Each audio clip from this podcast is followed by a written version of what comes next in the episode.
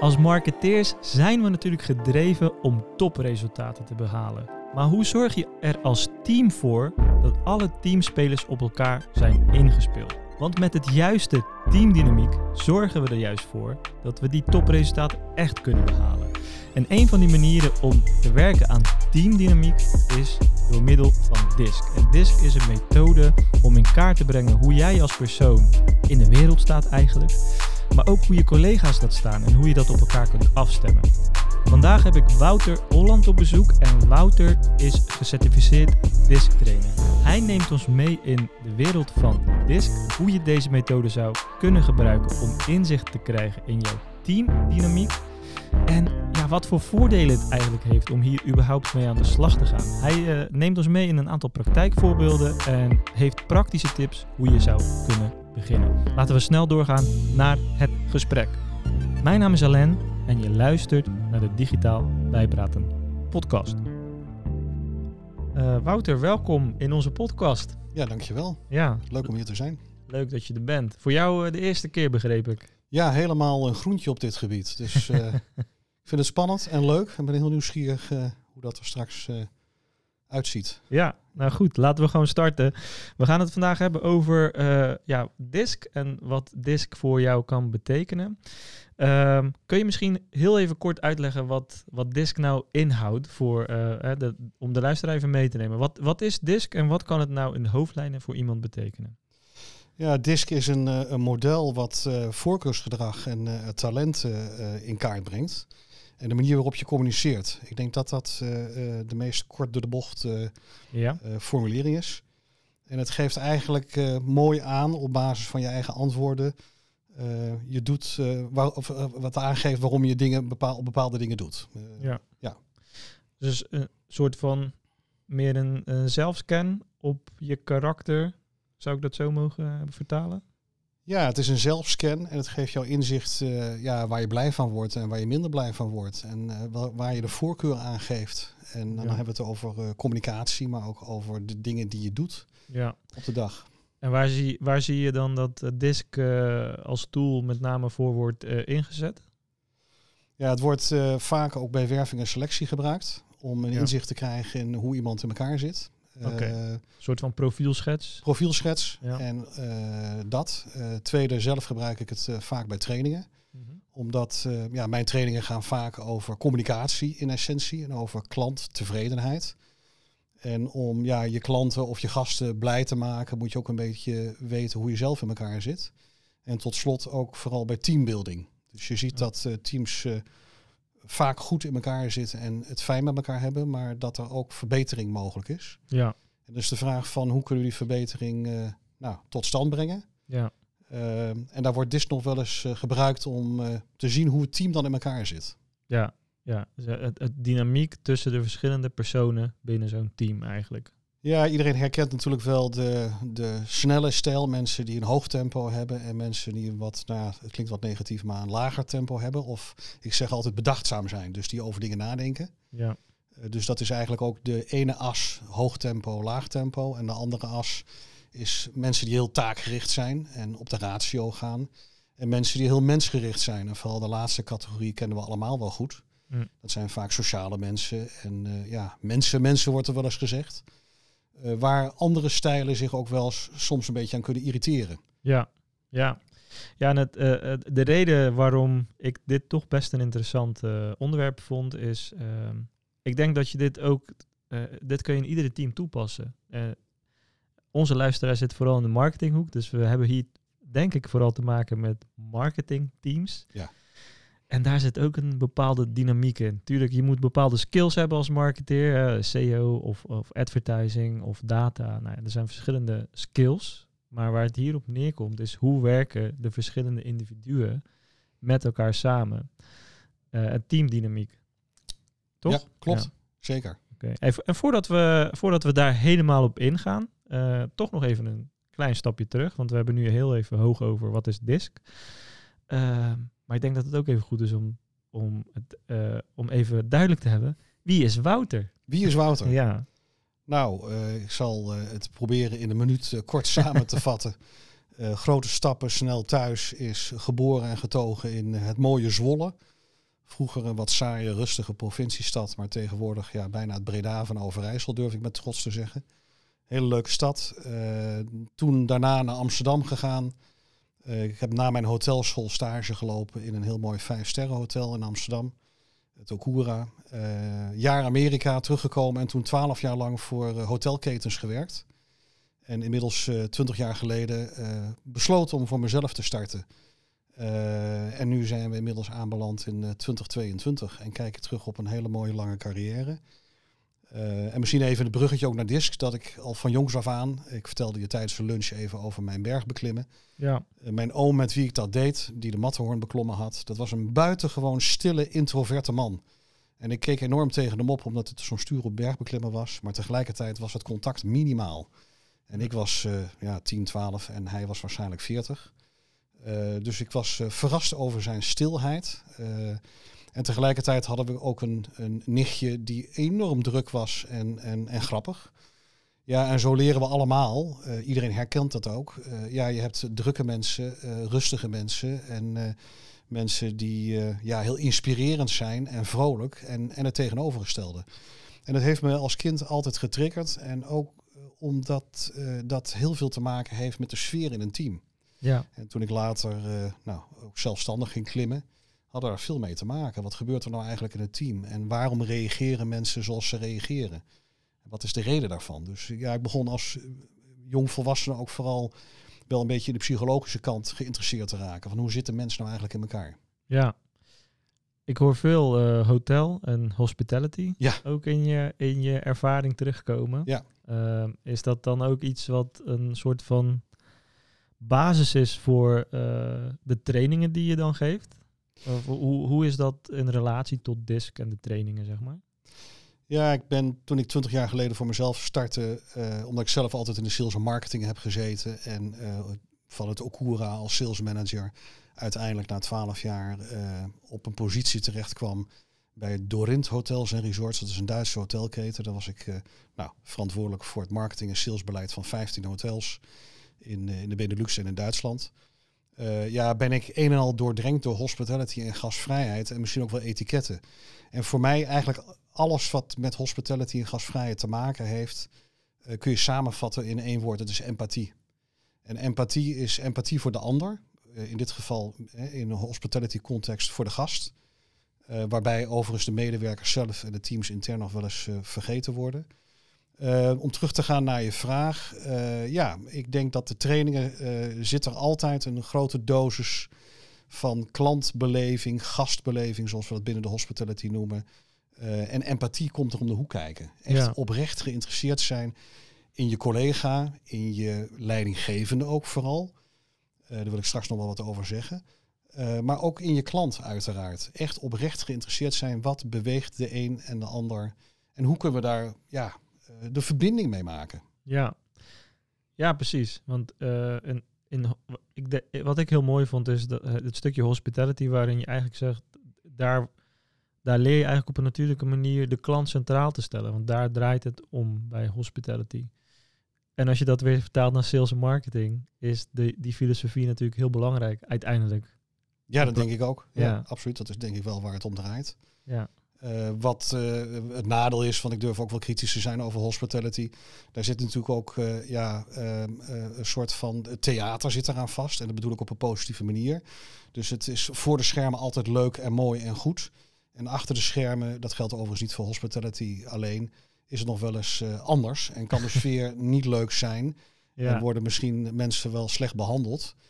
dus ik ben er ook heilig van overtuigd datgene wat je voor de schermen doet met je klanten, met je gasten. Uh, ja, dat zou eigenlijk achter de schermen ook zo moeten zijn. Hè? Dus we Ja. zijn mensen en ik denk dat dat het allerbelangrijkste vertrekpunt is. Met respect voor elkaar en, en interesse in elkaar en met uh, empathie. Maar dat gaat niet altijd goed. ja. nee. Nee, dat, uh, ik denk inderdaad dat dat niet alleen bij hospitality het geval is. Totaal niet. en dat heb ik, uh, nou toen ik uh, 15 jaar geleden met DISC begon en daarvoor gecertificeerd werd, um, deed ik dat veel binnen hotels en congreslocaties. Maar er kwamen ook al snel opdrachten uit een andere hoek uh, naar binnen, zoals vanuit ICT of vanuit media. En daar was ik dan weer verbaasd over, omdat dat zulke ontzettende leuke opdrachten en trainingen waren. En dat kwam omdat ik hun wereld niet kende. Mm. Uh, maar het is, je hebt gelijk, het, het, het geldt overal. Of je nou bij een advocatenbureau werkt of bij de overheid, of waar we vandaag zijn bij de Heurt. Uh, je hebt met mensen te maken. En dat maakt het ja, eigenlijk overal hetzelfde liedje van uh, mensen die goed met elkaar gaan en mensen die minder goed met elkaar gaan en mensen die elkaar naar het leven staan. Ja, ja, ja.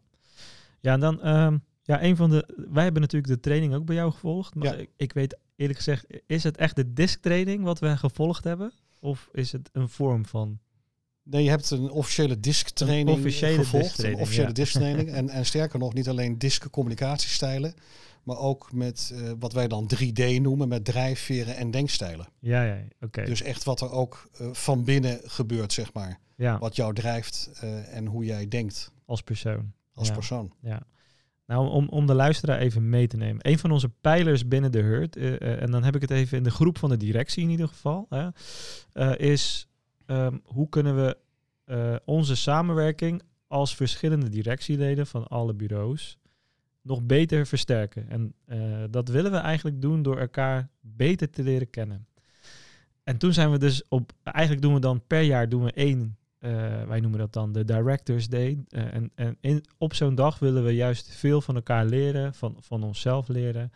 En willen we kijken op welke manier kunnen we nog leuker en nog beter samenwerken. Nou, en toen kwamen we een beetje in de zoektocht, wat kunnen we op zo'n dag doen? Kwamen we eigenlijk uit bij bij jou via via en, uh, en bij DISC. Uh, en toen begonnen we met die training. Uh, en het ging in eerste instantie vooral heel veel over wie ben ik in plaats van wie is die persoon. Maar tegelijkertijd, ja, je kijkt ook naar elkaar daarover. Dus ik, ik vond het een hele inspirerende manier om juist ook wat kritischer naar jezelf te kijken.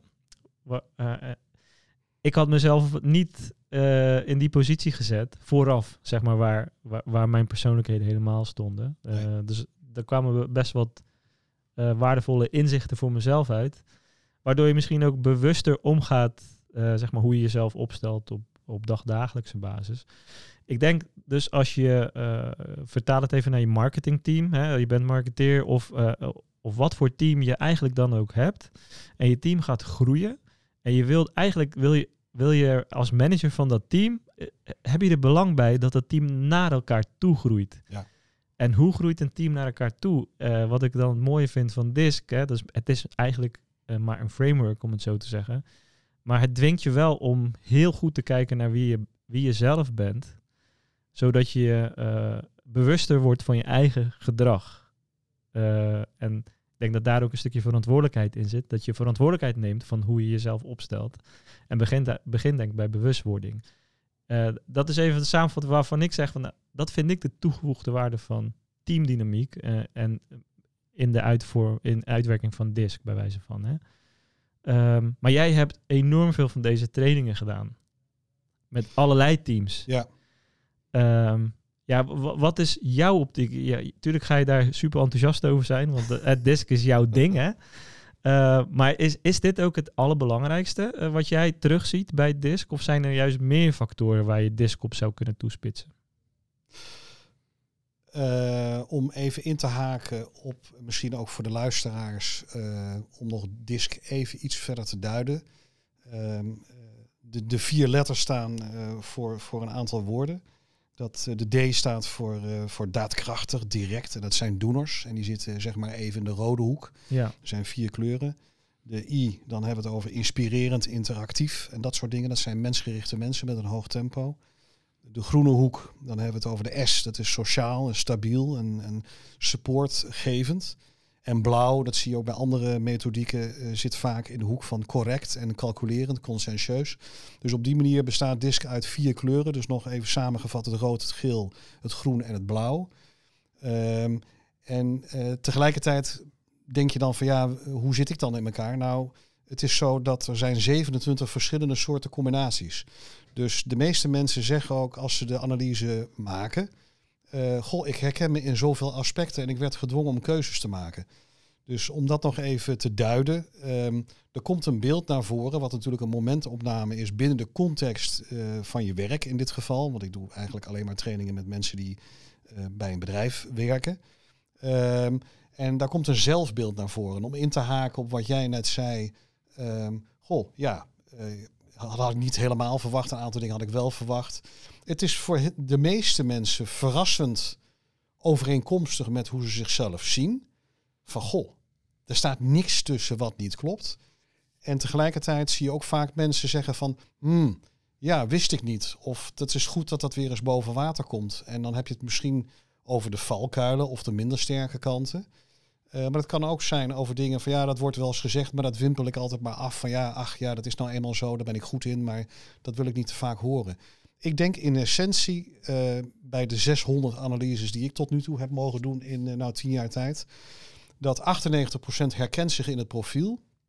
En daarvan is 95% ook blij met wat hij of zij leest. Ja. En één anekdote uit de praktijk. Dat is misschien wel direct de meest heftige, dat is al best wel jaren geleden. In één maand tijd zijn drie mensen gaan huilen toen ze hun, hun profiel lazen. En daar heb ik later in een wat veiligere setting met hun nog even over doorgepraat. En toen zei ik van, goh, waar komt dat vandaan? Hè? waarom emotioneert je dit zo? Ja, omdat ik nu eindelijk eens een keer goed lees en zie waar ik goed in ben. En waar misschien mijn valkuilen zitten en waar mijn groeigebieden zitten. Dus het kan hele heftige reacties losmaken.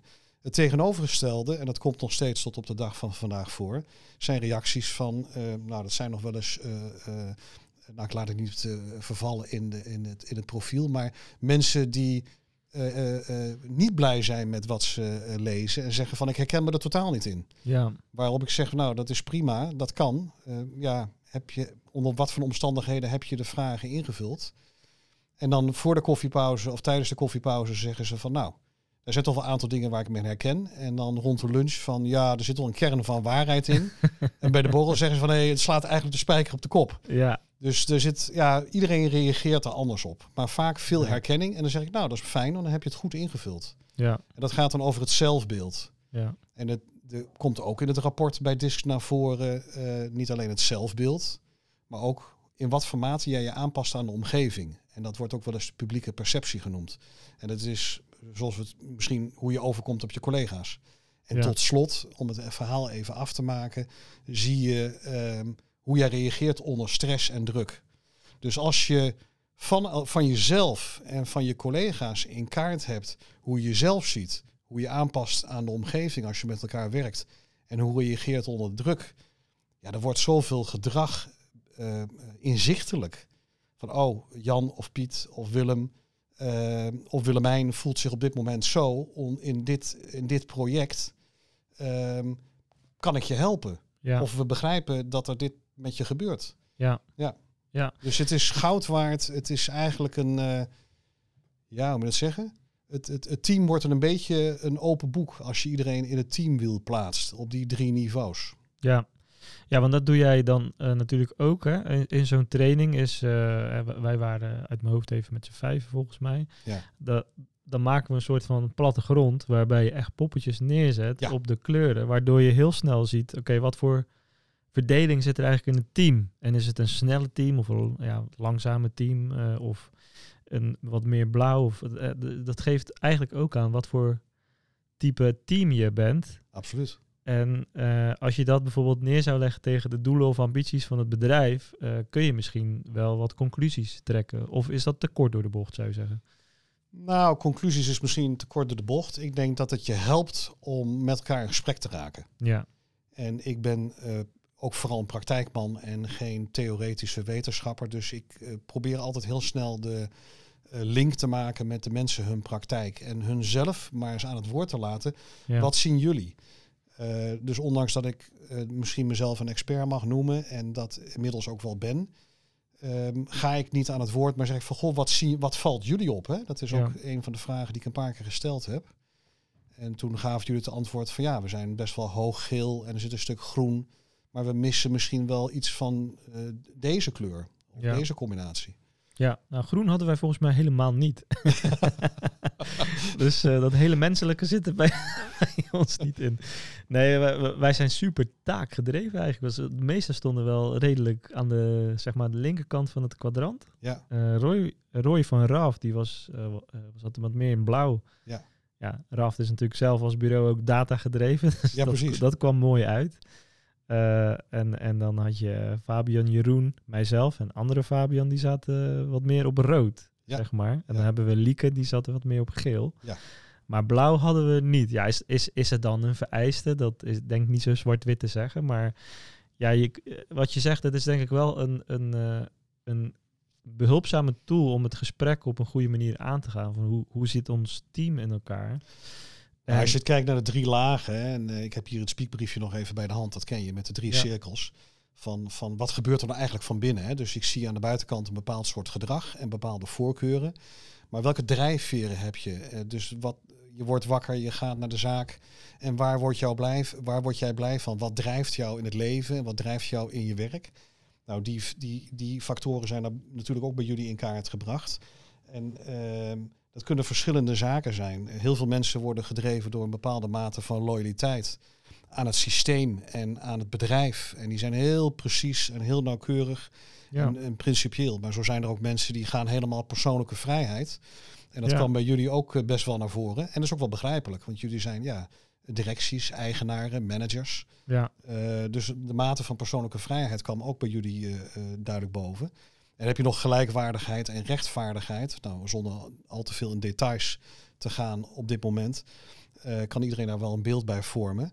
Uh, gelijkwaardigheid en rechtvaardigheid gaat over dingen samen oppakken en, en met elkaar delen en democratie in het bedrijf. ja, Maar als je kijkt naar de uitslagen, dan maakt het nog wel uit of jij op een schaal van 8 een 3 scoort op uh, persoonlijke vrijheid of een 7. ja, Dus sommige mensen hebben enorm veel behoefte aan om, uh, op, uh, om, vrijheid te hebben. Of hebben heel veel behoefte aan loyaliteit.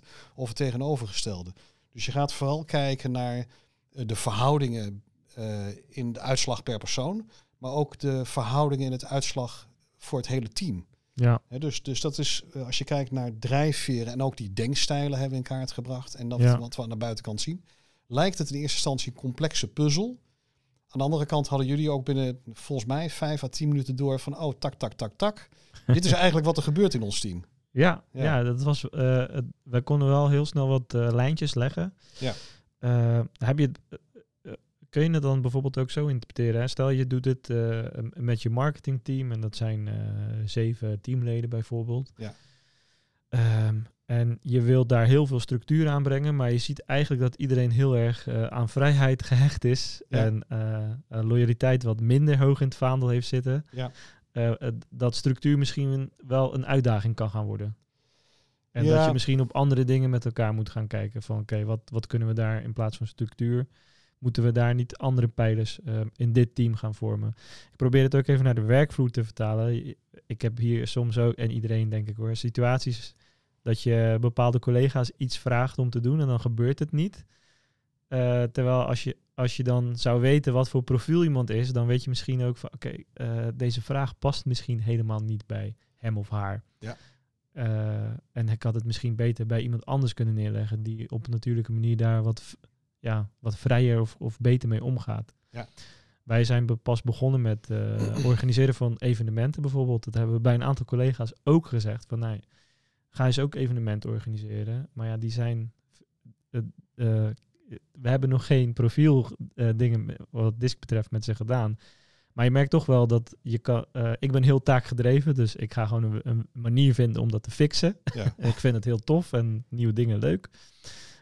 Maar dan zie je bijvoorbeeld bij sommige collega's die gaan er helemaal niet zo lekker op, want er staan geen structuren voor. En wat wordt er dan van me verwacht? En hoezo dan? En terwijl, ja, terwijl, dan kun je misschien stellen, oké, eh, hebben we het wel aan de juiste persoon gevraagd om dit te doen? Ja, en ik denk dat het om de teamsamenstelling gaat. Ik heb zelf ooit uh, tien jaar lang in een bestuur gezeten, waarvan uh, drie jaar lang voorzitter. En dat waren allemaal gele mensen. Nou, we hadden echt een leuke tijd, dat wil je niet weten, want we herkennen natuurlijk elkaar stijl. Het was een en al vrolijkheid en inspiratie en gezelligheid. Ja. En het bleef wel eens hangen op van ja, de structuur. Hè? Dus te weinig blauw aan boord. Uh, en we hadden te weinig rood aan boord. Oh ja. Hè? En eh, dus wat wij nodig hadden als team eh, was iemand die met een kritische blik eh, vanuit de blauwe kant en de rode kant dus eh, aanschoof bij ons bestuur. En vaak vinden we dat niet leuk, hè? Dus dan wordt het ook wel eens stil van, goh, dat is een, iemand die zeurt of kritisch is. Ja. Ja, hoezo structuur? Weet je, we Ja. zijn helemaal creatief en inspirerend bezig en dan ga jij nu dwars liggen. Allemaal moeilijke vragen stellen. Ja, en ik denk dat daar met disk als landschap en als taal, ik denk dat dat misschien mooie woorden zijn. Het landschap van disk met 27 verschillende provincies, ik bedenk het ter plekke, schiet me nu te binnen. Van ja, in welke provincie zit je? En eh, vanuit welke hoek hebben we welke eh, talenten nodig? Ja. En misschien ook welke kritische criticasters hebben we nodig om ervoor te zorgen dat we nu A, structuur aanbrengen en ook een beetje voortgang. Ja.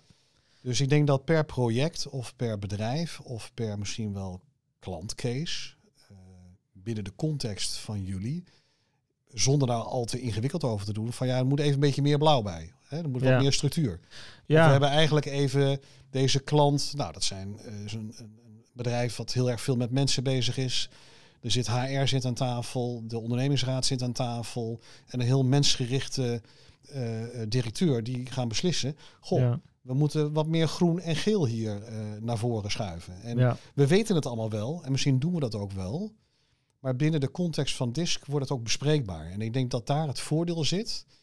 Eh, en eigenlijk alle teams die ik tot nu toe heb mogen begeleiden, hebben hun DISC-taal. Van, goh, Ja. ik ben even rood en ik heb stress. Ja.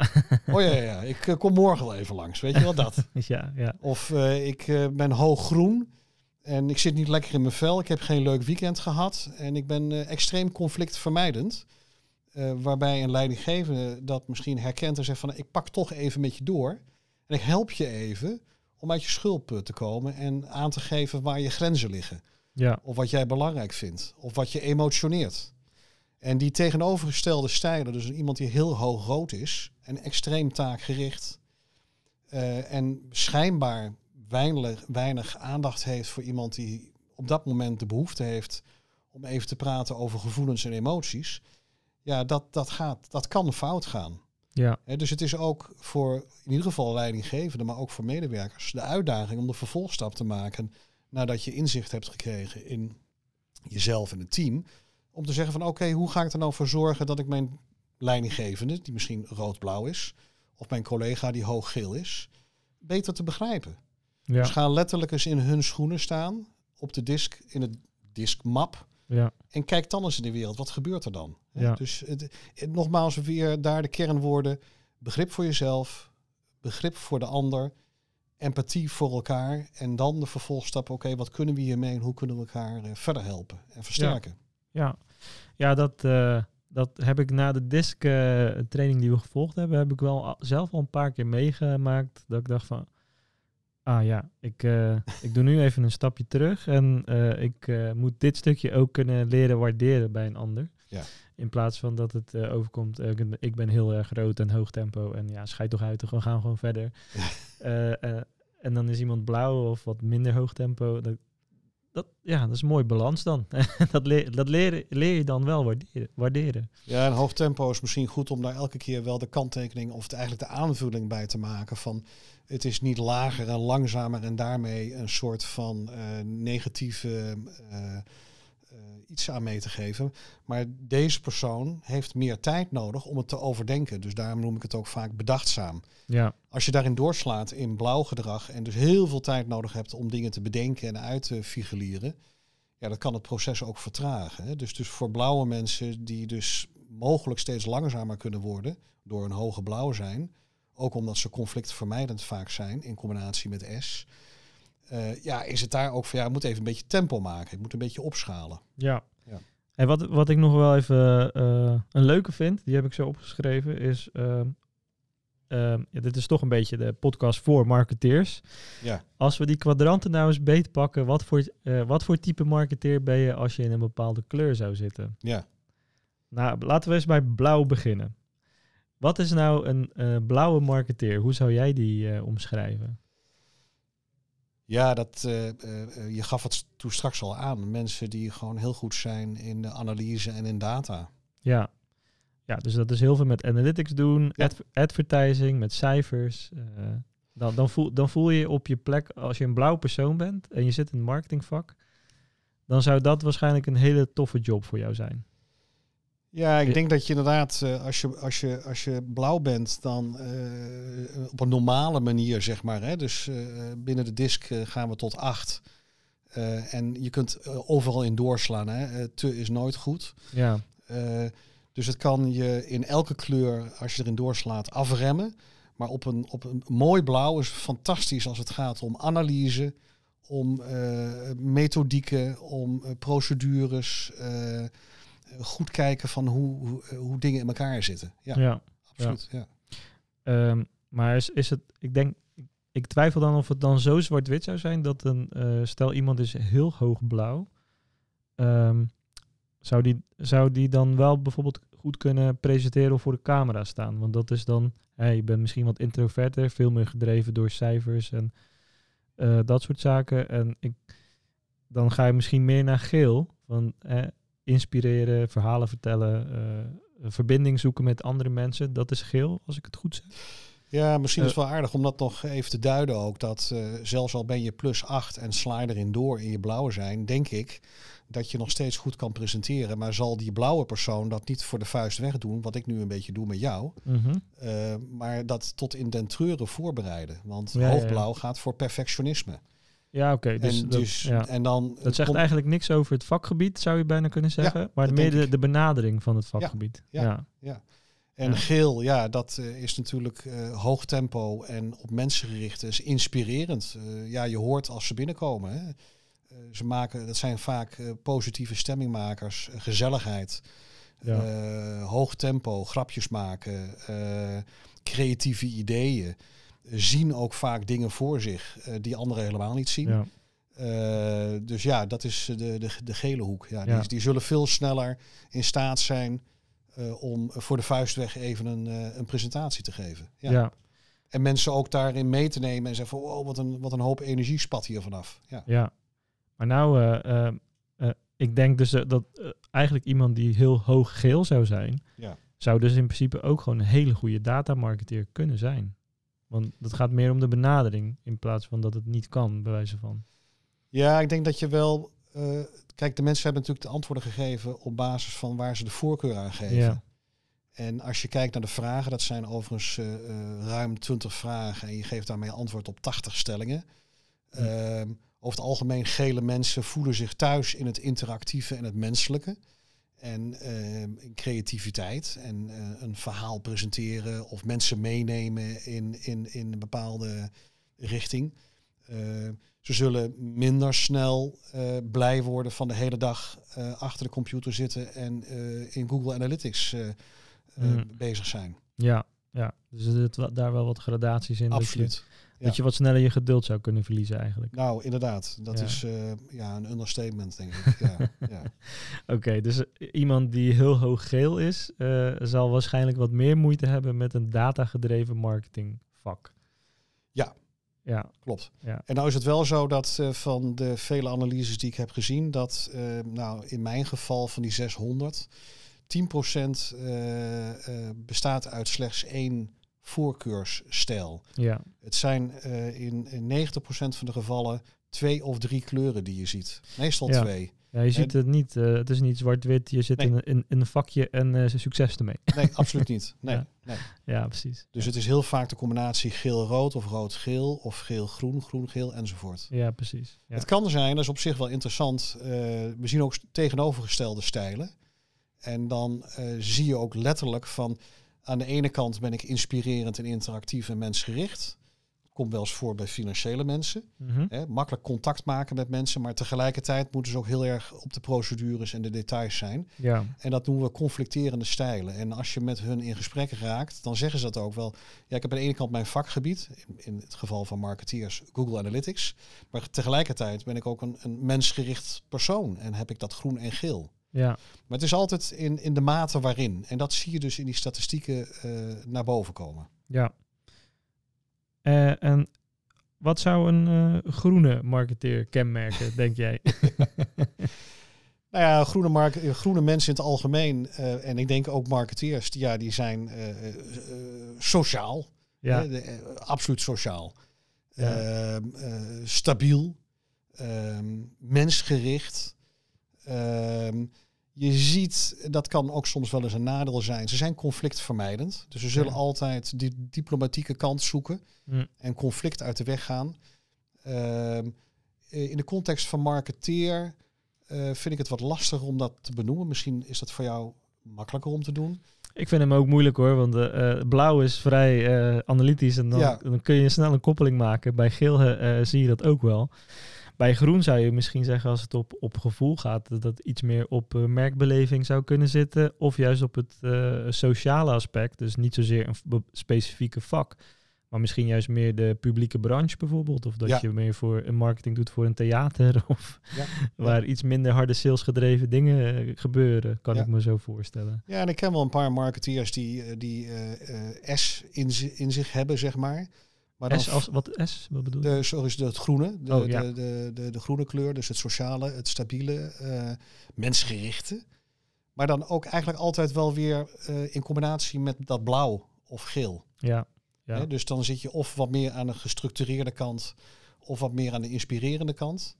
Uh, dus het is daar ook vaak de, de combinatie. Ja, precies. Ja. Maar ik kan me voorstellen als je, als je dus overheersend groen bent, en je komt in een soort van heel erg sales target gerichte omgeving. Dat, het, uh, dat, ja, dat je wat moeilijker op je plek uh, zou komen te zitten. Want daar is het hoogtempo snel. Die scoren, targets halen. Klanten harken heb ik vaak gehoord. dat soort termen. Maar daar ga je misschien als groen persoon niet helemaal lekker op. Nee, ik denk dat je voor een sales uh, commerciële functie toch wel fijn is als je in ieder geval dan ook een vleugje geel hebt. Ja naast dat groen. Uh, maar het hangt misschien ook een beetje van de branche af en van wat voor soort klanten je wilt uh, werven. Ja. Uh, en wat, wat daarin handig is. Ja. ja. maar zo zie je al best wel. Hè? Dus we, we, gaan zo nog heel even naar de, naar de rode. Maar eigenlijk al door dit te bespreken is best als organisatie is het echt wel waardevol om dit in kaart te brengen per persoon. En dat is naast je organisatie te leggen. Oké, wat voor type bedrijf zijn, wat voor cultuur willen we dat er overheerst? En wat, wat voor cultuur overheerst er eigenlijk? Wat, wat zijn we aan het doen? En welke personen kunnen daar wel eens moeite mee hebben? Nou, en dat is misschien eigenlijk de tweede laag binnen DISC. Hè. We hebben het nu heel erg over van wat past bij je functie of waar ben je goed in of wat, waar geef je de voorkeur aan. Maar in die drie statistieken waar ik het telkens over heb, dan heb je je zelfperceptie in de ene grafiek. In de andere grafiek, hoe pas ik mij aan aan de omgeving? Ja. Wat ook bij DISC nog wel eens boven water komt, is dat mensen niet op de goede plek zitten of overvraagd worden. Of gedrag vertonen wat eigenlijk helemaal niet past bij wat ze eigenlijk graag willen doen. Ja. Dus als de ene grafiek heel erg verschilt met de andere grafiek, even een praktisch voorbeeld, ik ga naar mijn werk en ik zet mijn fietsje hier neer en ik kom binnen en mijn gedrag is niet anders dan thuis of hè, waar dan ook. Ja. Uh, nou, dan ben ik in balans. Dan hoef ik mij niet aan te passen. Ik kom hier binnen en ik voel me hier net zo thuis als in mijn eigen huis. Ja. Maar er zijn ook mensen die, en dat zal voor iedereen herkenbaar zijn. Ik heb het in ieder geval wel eens meegemaakt in mijn leven dat ik niet helemaal op mijn plek zat. Dat is gelukkig lang geleden. En ik van ja, ik kan hier niet mezelf zijn. En er worden dingen van mij verwacht of verlangd of geëist waar ik niet aan kan voldoen. Maar ik ga wel net doen alsof ik dat kan. Ja. En dat zie je terugkomen in die grafieken. Dan zie je de zelfperceptie wijkt af van de mate waarin de persoon zich aanpast aan de omgeving. En de eerste vraag die ik dan altijd stel, en dat doe ik niet in een training uiteraard, maar meer in een coaching, één op één. Van goh, hoe gaat het met je? Ja. En uh, bij de een die zal zich wat sneller openen dan de ander. Uh, maar dan vaak komt boven water dat, ze, dat er iets aan de hand is. Ja. En dat kan zijn dat het een nieuwe baan is, een nieuwe positie. Uh, dat er op het privéfront van alles aan de hand is. Of dat ze niet kunnen voldoen aan de eisen of de verwachtingen van een werkgever. Ja. En dan ga je mensen ja toch in een, uh, ja, dan is, dan is het uit balans. Ja. En, en, dat, dat is wel een aandachtspunt. En dan kom je eigenlijk niet op het thema training, maar dan zit je meer op coaching. En van, goh, uh, ja, wat wil je hier zelf mee? En dat wordt vaker nog wel eens versterkt door het beeld wat je dan ziet onder druk en stress in de grafiek. Ja. En stress moet je zien, dat kan positieve stress zijn. Hè? Wat voor voorkeursgedrag heb je als je onder druk staat? Nou, ik vind het eigenlijk altijd wel leuk als ik onder druk sta, maar het moet niet te veel worden, dan vind ik het niet meer leuk. maar meestal word ik wel blij van een lekkere, drukke, volle agenda en veel dingen te doen. Maar het kan ook negatieve stress zijn. Dus te weinig collega's, uh, te veel eisen vanuit de klantkant of te veel druk op uh, te veel projecten. Ja, dan, dan gaan kleuren gaan bewegen. En wat je ook nog wel eens ziet, is dat alle kleuren gaan bewegen en boven de middenlijn uitkomen. Mm. En dan gaat men letterlijk alle ballen proberen hoog te houden, zowel rood, geel, groen als blauw. Ja, en dat is een burn-out profiel. En daar hebben we natuurlijk de laatste tijd veel mee te maken. Uh, zeker in deze economie met uh, nou, arbeidsmarktproblemen. Het overvragen van medewerkers en niet gewoon niet meer redden. En als jij uh, groen bent met een vleugje geel. En er wordt ook rood en blauw gedrag van jou verwacht. Of men denkt dat dat verwacht wordt. En er wordt niet over gepraat. Ja, geen probleem. Ja. En dan moet je mensen eigenlijk helpen zichzelf te beschermen van rustig aan. Je ja. Superman, weet je. Je kan niet alles. Ja, maar het begint denk ik wel met uh, um, erkenning dat het er is. Ja. Zowel bij de persoon zelf als binnen het team. Ja, dat denk ik ook. Daar begint en, en daar is uh, zo'n training vaak best goed voor. Ja, toch? absoluut. Ja. ja. Hey, en dan die, die, die rode marketeer. Ja. Dat is een doener volgens mij. ja, de D staat voor, uh, voor, voor direct en, en, en vooral dingen doen. En, en uh, uh, daadkrachtig, dat is misschien nog wel een mooiere. Hè? Dat zijn ja. mensen die natuurlijk ja, resultaten willen bereiken. Ja. je kan je misschien herinneren dat we op het bord, de banner die ik van rood had, dat zijn bergbeklimmers. Ja, ja. En nou goed, het is leuk als je top haalt, maar nog veel belangrijker als je veilig weer terugkomt in de hut, zeg ik het dan maar, in Basecamp.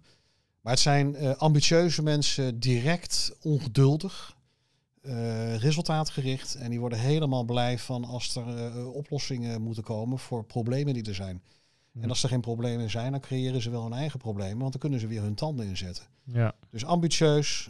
ze gaan ook, als, je, als je heel hoog rood bent, ja, niemand houdt dat bij. Althans, bijna niemand. dus ze raken ook nog wel eens mensen kwijt. Ja. Um, maar daar gaat ontzettend veel kracht van uit. En veel bedrijven hebben gelukkig rood in hun teams. En ik heb nu ook een groter team, bestaat uit 20 mensen, het is in Amsterdam. Uh, ja, in het voortraject, in de voorbespreking hadden we het er al over. Uh, van goh, hoe zit het team in elkaar? Nou, dat hebben we gezien. Dat is een geel team. Ja. En uh, als in de publieke perceptie, dus hoe ze zich aanpassen aan de omgeving, zijn ze nog geler. Ja. Dus ze worden nog meer stuitenballen, geeën, blije, blije, mensgerichte mensen. En de uh, manager, de, de uh, directeur van het bedrijf, ja, die zit af en toe met zijn handen in het haar. Want hij is de enige die echt rood is. Mm. En, en in combinatie met blauw. Dus die heeft niet alleen het rode, het, het daadkrachtige, maar ook het analytische. Ja. En het zit aan de taakgerichte kant. Dus zijn uitdaging is om cont meer contact te maken met die mensgerichte kant. En die mensgerichte kant moet zich meer bewust zijn van... hé hey jongens, we doen het niet alleen maar voor de leuk... maar er moeten hier ook doelstellingen worden behaald. En iets meer structuur zou fijn zijn. Ja. En ja. ik heb hun ook geadviseerd, want ja, daar komt ook misschien... ja, behalve inzicht en uh, samen kijken van wat er aan de hand is... van goh, uh, wat gebeurt er als jij er niet bent? Ja. Er is eigenlijk te weinig rood aan boord. Dus daar had je toen straks over. Dus vaak zeggen we in algemene zin het is mooi als je al die verschillende kleuren aan boord hebt. Een beetje afhankelijk van je bedrijf en je afdeling. Uh, maar als je te eentonige kleuren hebt, ja, dan, dan mis je te veel. Ja, ja precies. En wat, wat ik, uh, uh, wat misschien ook een interessant is als je kijkt, je plot hem weer even op de marketingafdeling. En wat we nog best vaak zien bij uh, wat kleinere MKB-bedrijven of überhaupt in het MKB. Soms zijn het ook hele grote bedrijven waar waar marketing net op gang gaat komen. Ja. Ja, dan begin je eigenlijk met één marketeer. Ja. Hè, vaak, nou, dat is gewoon, er moet iemand de eerste zijn ja. die je dan aanneemt. Um, ik kan me dan zo voorstellen dat, uh, ja, dan staat er nog niks. Er moet van alles gebeuren. En als jij dan niet rood genoeg bent, uh, of in ieder geval niet daar genoeg een vleugje van hebt, dat je daar nog best wel eens kunt verzanden in, in zo'n organisatie. Ja. Omdat je de tijd nodig hebt om dingen te overdenken en ja. om goed uh, bepaalde structuren neer te zetten. Ja. Maar je begint eigenlijk, uh, er is niks. Nee. Ja, daar ga je denk ik niet lekker op als heel blauw-groen uh, persoon. Ja, bijvoorbeeld, kan ik dat zo stellen? Ja, en ik denk dat dat je hebt 100% gelijk. En er zijn een aantal voorbeelden van bedrijven waar ik aan boord ben en mag meedenken. En in dit geval gaat het om een marketingdame die hartstikke goed is, maar heel duidelijk blauw-groen is. Ja. en ik heb daar ook het advies gegeven, dat pakken ze hartstikke goed op dat daar ook vooral mensen vanuit de directie en vanuit leidinggevende, dus vanuit de teammanagers, aanhaken bij marketing. En eigenlijk ontstaat er een uh, dialoog, een gesprek. Van ja, moet marketing nou per se één persoon zijn die dat doet? Nee, er zijn drie, vier mensen bij betrokken. Ja. Dus uh, uh, degene die dat fulltime doet, is die ene persoon. Maar die heeft wel vanuit andere leidinggevenden, is mijn advies dan, ehm, support nodig om het vleugje rood en het vleugje geel, uh, in dit geval haar mee bij te helpen. Ja. En dan heb je eigenlijk een marketingteam. Dus hoe klein je bedrijf ook is, zeg ik van ja, uh, schakel daar hulp bij in. Ja. Want het is onverstandig om, vind ik, en niet alleen voor marketing, maar vele andere functies, iemand dan in zijn eentje daarin te laten verzuipen. Ja. ja. En ik denk dat marketing ook juist een thema is, en dat is vanuit de hotellerie mij ingepeperd. Of het nou de directeur is, of de front office manager, of de mevrouw, meneer uh, in het restaurant. Iedereen is bezig met marketing. Op een bepaalde manier, zeker. Absoluut. Ja. Ja. ja. Zelfs de tuinman. want er komt een dag dat jij ja, als potentiële opdrachtgever voor een event op zondagmiddag langs een leuke locatie komt. Zeg, god, mag ik het hotel even zien of deze evenementenlocatie even zien? Dan moet de tuinman of de hoofdtechnische dienst of iemand die naar, af, naar afwas gaat misschien wat ver maar er moet iemand zijn in het hotel die even een rondleiding geeft. Ja. Altijd gasvrijheid voorop. En, uh, maar goed, dus terug naar die marketeer. Uh, ja, die heeft dan uh, daarbij wat hulp nodig. Ja, ja maar dat is, dat is denk ik wel. Als je dus kijkt, wat is de toegevoegde waarde van zo'n disk? En er zijn denk ik meerdere methodes, maar dat is wel in kaart brengen. Wat voor type persoon uh, komt er bijvoorbeeld ook aan boord? Ja. En waar zijn we nu als organisatie het meest bij gebaat? Klopt. Uh, of we willen deze persoon heel graag hebben, want die heeft de ervaring die we nodig hebben. Ja. Maar we zien dat die dus groen-blauw is in een, en die persoon komt nu binnen en er staat niks. Dan moeten we even wat meer kunnen faciliteren. Want die, anders gaat die persoon tegen knelpunten aan kunnen lopen. Nou, het is wel leuk dat je het zegt, want daar hebben we het ook uh, vandaag en al eerder keer over gehad. Ik heb nu uh, twee bedrijven die mij gedurende de afgelopen drie jaar een stuk of tien keer hebben ingeschakeld bij het aannemen van nieuwe medewerkers. Dat zijn marketingmensen en salesmensen. Die mij als buitenstaander hebben gevraagd van, goh, wil je A, met hun een kopje koffie drinken? Want we hebben ook nog zoiets, los van de analyses, een, gevoel bij een persoon als zijn een soort van sollicitatiegesprek. En niet dat ze bij mij solliciteren, maar even een, een, advies van een buitenstaander. Maar wel ook met een disk 3D-analyse erbij. En nou, ik ben er best wel trots op om te zeggen dat van de tien mensen die geplaatst zijn, uh, acht buitengewoon goed voldoen. En uh, dat is niet om mezelf op de borst te kloppen, maar is omdat we samen met de opdrachtgever hebben gekeken van wie past er eigenlijk binnen dat team. Wat, en, uh, welke competenties, hè, dus welk gedrag, voorkeuren, talenten. Maar ook onder de motorkap, dus onder het, onder het ijs van een ijsberg. Wat voor drijfveren heeft die persoon en wat voor denkstijlen. Nou, daar hebben we best wel secuur naar gekeken. Zonder nou te vervallen in details en, te wetenschappelijk te maken. Maar uh, in veel gevallen ja, hebben we gezamenlijk geconstateerd. Wat fijn dat we er goed naar gekeken hebben. Want wie past er nou echt goed in het team? Ja, ja. Ja dat... Uh... Dankzij die disk 3D-analyse. Ja, drie, precies. Drie lagen. Ja, maar dat, dat, is, dat is een behoorlijke pijnlijke. Zeker als het een, een, een, een eerste persoon is op een afdeling die je probeert op te stellen. Ja. En misschien nog wel aardig is om daaraan toe te voegen, is dat uh, ik tot uh, vier keer toe van die uh, tien keer het advies gaf wat volledig indruiste tegen wat de organisatie wilde. Waarvan ze in drie keer met mij mee zijn gegaan en één keer niet. En ook dat is, ja, komt een beetje over als opscheppen. Ik heb gezegd, bij die ene persoon waar ik niet mee in zee zou gaan, die heeft persoonlijke vrijheid zo hoog staan. En dat bleek vooral ook, en daarin is het gesprek leidend en de disk bevestigend. Uh, gebleken dat die persoon die persoonlijke vrijheid niet kreeg op die positie. Ja. En die heeft toen zelf gezegd van ja, ik ga weer. Ja. En uh, dus nogmaals, het gesprek en het gevoel en ook uh, de, de, kennis die je hebt van je vakgebied zijn daarin leidend. Maar DISC brengt wel mooi in kaart van hoe ook wat er nog meer speelt. Ja, ja. ja.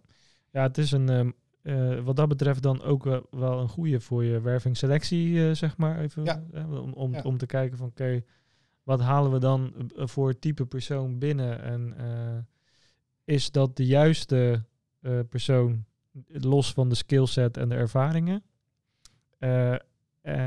En zijn wij de juiste partij om ook het werk op die manier te kunnen faciliteren? Ja, en ik denk dat er nog een derde laag is. Want ik heb zelf ook ooit een keer een baan genomen waar ik achteraf uh, niet zo blij mee was en daar weer ben weggegaan. Uh, ik had een assessment gedaan, een hele dag met 800 vragen, rollenspellen.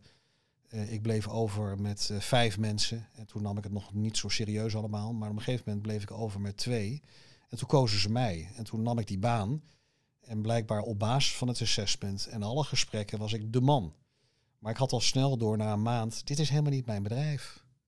Dus ik denk dat, uh, dat weten we allemaal wel, van ja, je moet ook gewoon uh, een gevoel hebben bij de organisatie en een klik. En je kan je uiteindelijk toch ergens niet helemaal op je plek voelen. Ja. En dat, ja, dat, dat gebeurt in het leven, dat is ook helemaal niet erg. Ja. Dus ik denk dat in eerste instantie, dat zeg ik ook altijd tegen mijn kinderen, die overigens allemaal de deur uit zijn, eh, het klinkt misschien wat cliché, maar eh, volg je intuïtie. Volg je intuïtie en dat is eigenlijk je interne kompas. Dan heb ik het over zeg maar vanuit nou, marketeerkant. Ik ben marketeer, ik wil een switch maken. Nou, mijn disk eh, klopt, de gesprekken kloppen, het salaris klopt. Maar mijn intuïtie, het stemmetje van binnen zegt ergens van hmm, twijfel. En dat kan ook wederzijds zijn vanuit de werkgever. Toch twijfel. Dat kan zijn dat het wel goed komt, maar het kan ook die, die, intuïtieve kant is denk ik wel heel belangrijk in het, in het uh, werven en selecteren. Absoluut. Ja, ja. helder. Uh, laten we dan naar het laatste stukje gaan en dat is uh, ja, hoe implementeer je nou DISC binnen je team of organisatie? Hoe kun je daarmee aan de slag gaan? Wij hebben gewoon een training gevolgd. Ik zeg gewoon, maar het was een, een, een, een goed gevulde dag, zeg maar. Ja. Um, maar goed, dat, dat, dat lijkt me meer een beginpunt hoe, kun je er nou echt mee aan de slag? Is er iets wat je kunt doen zonder direct uh, met een training aan de slag te gaan? Uh, zijn die tests online te doen? En kun je vanuit daar als team in ieder geval een soort van uh, sessie doen om een stukje bewustwording te creëren? Of zitten daar bijvoorbeeld heel veel afbreukrisico's in, omdat je eigenlijk de tool niet goed begrijpt en dus verkeerd gaat interpreteren? Hoe, hoe, wat is de eerste stap? Uh, het is een beetje afhankelijk van, als je het hebt over werving en selectie, uh, denk ik dat het vooral voor jullie, hè, laten we dat even uh, nu bij de horens vatten wat mij betreft, om binnen je team zoals jullie dit gedaan hebben, dit is goed te laten bezinken. Van, ja. van wat, wat, welke, wat hebben we hier nou zelf van geleerd als persoon? jullie met z'n zessen, weer eens, jullie met elkaar als team bij elkaar te zitten van, goh, hoe kijken we erop terug? Wat hebben we ervan geleerd? Welke eigen persoonlijke uh, stappen heb ik erin gemaakt? Of wil ik daar nog in gaan maken? En hoe kunnen we elkaar als team versterken? Dus dat je eigenlijk als directieteam uh, dat eerst, of als team die het doet, dat maar eens omarmt. En het nou, ook een beetje jezelf eigen maakt. Dus ik geloof ook erin dat je er zelf vooral mee aan de slag moet. Ja. Uh, en die interpretatie, ja, die is natuurlijk heel, heel breed. Jouw interpretatie is misschien anders dan die van mij. En het is ook goed om daar dan eens bij stil te staan. Hoe zie jij het? Hoe zie ik het? Als ik in jouw team zou zitten. En elkaar daar maar eens uh, beter in uh, leren kennen. En dan ook langs de hand van oké, okay, waar willen jullie als team naartoe voor volgend jaar? Uh, wat ontbreekt er? Hè? Dus als we mensen gaan aannemen, ja, moeten dat uitvoerders zijn of moeten dat creatieve strategen zijn? Ja. Moeten dat mensen zijn die vooral van de structuur zijn en blauw en de procedures nu eens een keertje goed op de rit zetten waar we in achterlopen? Of zijn het die uh, rood-gele verkopers die business en handel moeten naar binnen trekken? Dus daar ga je, denk ik, als team eens een stap maken van, goh, uh, wat voor type mensen kunnen, kan ons bedrijf gebruiken? En, en welke kleuren en types passen daarbij? en denkstijlen en drijfveren. En daar vooral ook de hele organisatie dus over mee te laten denken. Dus het, het is eigenlijk het olievlekprincipe, zou ik prediken. Nou ja, en als je dan een buitenstaander nodig hebt hè, om antwoord te geven op je vraag, eh, kunnen we dat online doen? Ja, je hebt online uh, diskanalyses. Die kun je in nou, korter dan twee minuten doen. Beantwoord je geloof ik 14 vragen. en dat is een oppervlakkige, maar wel indicatieve analyse, waar ook vaak verrassend goed naar voren komt of je geel, blauw of rood of groen bent. Wat er echter bij ontbreekt is de diepgang. Het geeft niet op detailniveau aan wat zijn de combinaties. Dat is denk ik laag 1. Ben je blauw-geel, geel-rood enzovoort. En ook niet ehm, wat is je zelfperceptie, hoe pas je aan aan de omgeving en hoe reageer je op, uh, op stress. En tot slot, daar zit ook geen drijfveer en denkstijlen bij. Nou kun je tot drie cijfers achter de komma gaan. Dat is natuurlijk ook weer de vraag van hebben we dat nodig voor deze positie. Dus ik denk dat je dat ook moet afvragen. Um, dus ja, ik denk vooral eerst zelf mee aan de slag gaan. Uh, dat is stap 1. Stap 2, uh, uh, het gaan inzetten voorzichtig als ondersteunend middel om je afweging te maken als het gaat over werving en selectie. Ehm, en dan eventueel een buitenstaander zoals ik inhuren, uh, inschakelen om met kritische blik van buitenaf, daar, die daar op een misschien objectieve manier tegenaan kijkt, mee te laten helpen. En als het gaat over teamdynamiek en teambuilding, ja, ben ik gewoon een fan ervan. Ik heb het nu recentelijk gedaan met, uh, uh, god wat waren het, 30 eh, mensen maar liefst. Ehm, eigenlijk een soort van 1.0 niveau. De mensen hebben allemaal een diskanalyse gedaan, alleen communicatiestijlen. Nou, daar ging een wereld voor veel mensen open. En ik zal je vertellen dat tien mensen zaten ook met, met handen over elkaar en zeiden van ik doe niet mee. Ik vind dit verschrikkelijk. En dat was ook wel een zorg van de directie. Die zeiden van ja, het kan best zijn dat we hier uh, mensen mee tegen het harnas jagen. En die zijn toch schoorvoetend, hebben ze gezegd van ja, ik vond het toch eigenlijk wel leuk en interessant. Ja. Um, nou, dus het is zeg maar 1.0. Eerst maar eens met uh, diskanalyse aan de slag. Dan binnen hun teams zijn ze daar nu mee bezig. Van, goh, uh, ja, kan er een meer open ruimte worden gecreëerd? En dat betekent eigenlijk van ja, durf ik wat meer te delen over mezelf wat de ander nog niet weet? Of misschien nog veel belangrijker, het heilige woord feedback, sta ik open voor feedback. Ja. En als je aan teambuilding gaat werken, uh, en dan gaat het toch over vertrouwen in eerste instantie. En veiligheid. En als het op de werkvloer, en dat gebeurt in directies op hoog niveau tot en met ook in uh, uitvoerende afdelingen, het ontbreekt aan veiligheid en vertrouwen, ja, dan, dan red je dat niet alleen met disk. Nee. heeft ook te maken met, uh, nou dat zie ik ook in de praktijk, dat de managers niet altijd het beste voorbeeld geven. Of misschien wel de directeur-eigenaar het probleem is. Ja. ja. dus voorbeeldgedrag vind ik daarin veel belangrijker. Uh, dus nou, zo'n ander team, daar zit te weinig veiligheid en vertrouwen. Ja, en dat komt toch gedeeltelijk door een aantal mensen. En dan is het de vraag van ja, in hoeverre uh, kunnen die mensen veranderen? Of zijn ze bereid om te veranderen? Of moeten er misschien andere mensen aan boord komen? En dat red je niet met, uh, met uh, leuke diskaartjes. Nee. He, dus, maar het helpt wel om uh, het gesprek op gang te brengen. Dus die feedback die ik krijg van teams waar wel wat aan de hand is, is van ja, het is een goede methode. Het heeft wel wat losgemaakt. He, dus dat, dat is heel mooi. Nou, positief voorbeeld om mee te eindigen is, een, is een, een, mooie club in het midden van het land. Ik, ik, durf hem wel te zeggen, even reclame maken. De Baak, wie kent het niet? Ze zijn veel op tv. Ik ben er ook trots op dat ik voor hun mag werken. Het Instituut voor Leiderschap noemen ze het vaak. En dat is het ook. Nou, daar heb ik al een aantal jaren, mag ik daar een aantal teams begeleiden.